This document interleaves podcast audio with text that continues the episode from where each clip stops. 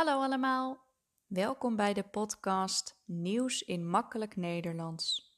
Elke week kan je hier luisteren naar een weekjournaal in eenvoudig Nederlands. Ik probeer redelijk simpele woorden te gebruiken en duidelijk te spreken.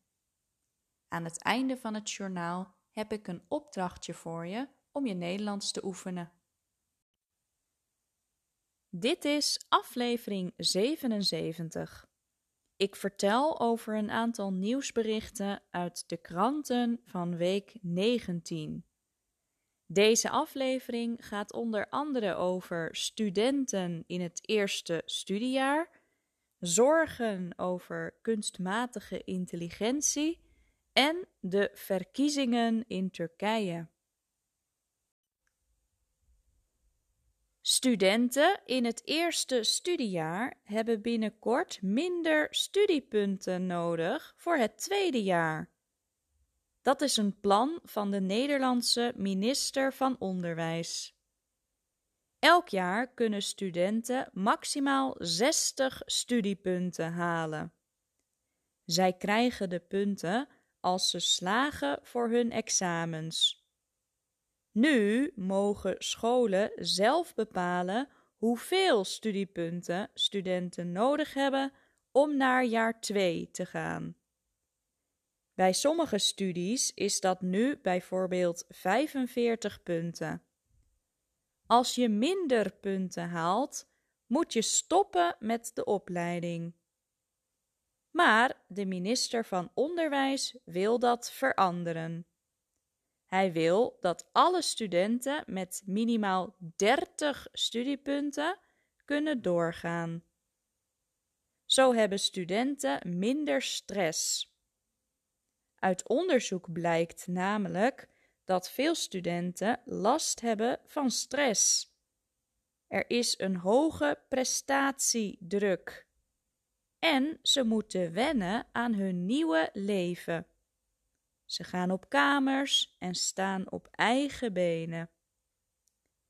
Niet alle universiteiten en hogescholen vinden het een goed plan. Ze denken dat studenten dan in jaar 2 in de problemen komen. De minister wil de regel in studiejaar 2025-2026 introduceren.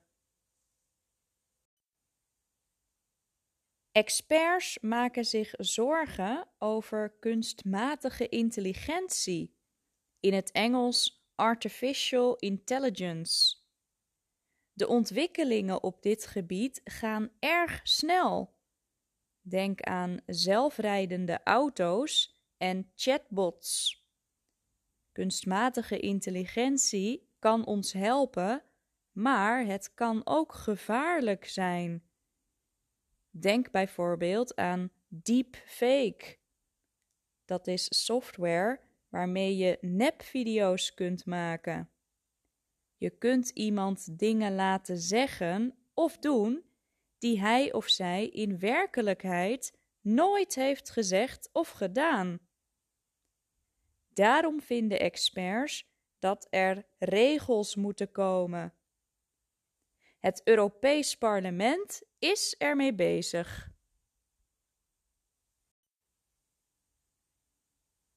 Zweden heeft het Eurovisie Songfestival gewonnen. Zangeres Loreen won met haar liedje Tattoo. Het Songfestival is een liedjeswedstrijd in Europa. Elk land geeft een optreden van drie minuten. Mensen thuis mogen stemmen op hun favoriet. Ook krijgen de landen punten van de jury. Het land met de meeste punten wint. Dit jaar was dat dus Zweden. Het liedje van Loreen was al weken de favoriet. Ook het nummer van Finland was populair. Zij werden tweede met het nummer Cha Cha Cha. Israël werd derde. Loreen, de winnares, won in 2012 ook al het Songfestival. Toen werd ze eerste met het lied Euphoria. Zij is de eerste vrouw die twee keer het Songfestival won. De eerste man die twee keer won was Johnny Logan. Hij werd in de jaren tachtig twee keer eerste voor Ierland. Feyenoord is kampioen geworden. Feyenoord is een voetbalclub uit Rotterdam. Deze club was dit jaar de beste. De fans zijn erg blij en vieren feest.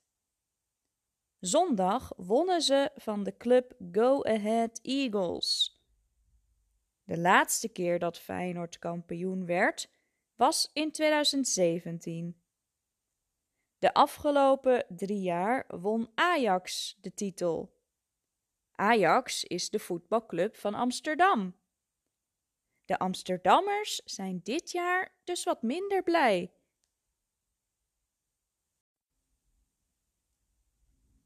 Een zware orkaan is aan land gekomen in Myanmar en Bangladesh. Cycloon Mocha is een categorie 5 cycloon. Categorie 5 is de zwaarste categorie.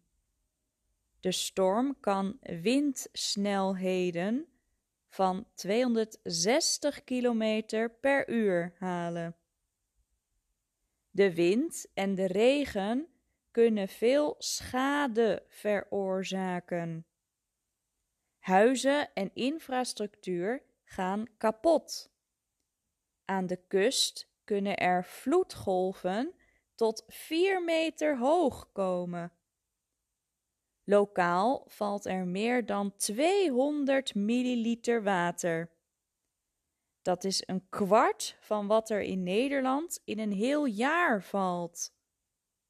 Ruim 400.000 mensen zijn geëvacueerd. Zij zijn naar veiligere plaatsen gegaan. Afgelopen weekend waren er verkiezingen in Turkije. Het was en is erg spannend. Het is nog niet duidelijk wie de nieuwe president wordt. De strijd gaat tussen Erdogan en Kılıçdaroğlu. Erdogan is al twintig jaar de president van Turkije. In het begin was hij erg populair. Maar nu zijn veel Turken niet meer tevreden. Het gaat slecht met de economie. En de hulp na de aardbevingen kwam laat op gang. Veel mensen willen daarom dat er een nieuwe president komt, zoals Kılıçdaroğlu. Hij is de leider van de oppositie. Bijna alle stemmen zijn nu geteld. Maar er is nog geen duidelijke winnaar. Geen van de kandidaten heeft meer dan 50% van de stemmen gekregen. Daarom komt er over een paar weken waarschijnlijk een tweede ronde. De Turken moeten dan nog een keer naar de stembus. Ook Turken in het buitenland konden stemmen. In Nederland kon dat vorige week. Op sommige plekken waren er problemen, bijvoorbeeld in Amsterdam. Bij een grote stemlocatie gingen mensen met elkaar op de vuist. Dat betekent dat ze gingen vechten. De politie kwam met honden. S'nachts werd het weer rustig. En dan nu het opdrachtje van deze week om je Nederlands te oefenen. Ik vertelde dat eerstejaarsstudenten vanaf 2025 waarschijnlijk minder punten nodig hebben om door te gaan naar jaar 2. Wat vind jij ervan? Wat zijn argumenten voor deze regel en wat zijn argumenten tegen? Neem de tijd om enkele argumenten op een rij te zetten. Voer daarna een discussie met andere cursisten. Dat was het voor deze week. Wil je de tekst ontvangen van deze aflevering? Stuur dan een mailtje naar nieuwsinmakkelijknederlands@hotmail.com. Bedankt voor het luisteren en tot volgende week.